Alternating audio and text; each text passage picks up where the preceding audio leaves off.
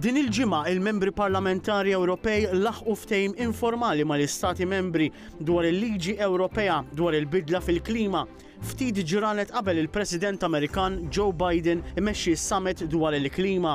Il-liġi tal-Unjoni Ewropea iżżid it-tnaqqis fl-emissjonijiet minn 40 fil-mija għal 55 fil-mija meta mqabbel mal-livelli tal-1990, filwaqt li tirrikonoxxi l-bżonn li tnaqqas il-gassijiet serra u tisħaq li din tibqa' prijorità, tfakkar li hemm bżonn ukoll li dawn il-gassijiet serra jitneħħew mill-arja biex jikkumpensaw għal setturi fejn id-dikarbonizzazzjoni tibqa' ta' sfida. Il-liġi twiegħed illi l-wegħdi politiċi li l-Unjoni Ewropea ssir klimatikament newtrali sal-2050 jsiru obbligazzjonijiet li jridu jitħarsu mill-Istati Membri kollha. Fost id-diversi proposti biex l-Unjoni Ewropea ssir klimatikament newtrali hemm il-bżonn li s-setturi ekonomiċi fuq il-kontinent jipproduċu inqas gassijiet serra billi jkomplu jimmodernizzaw. Is-setturi ta' l-avjazzjoni u dak tal-marittimu saru fost l-akbar sorsi ta' gassijiet serra u allura jeħtieġ isiru ħafna iktar effiċjenti u jaqilbu lejn fjuwils aktar ħodor.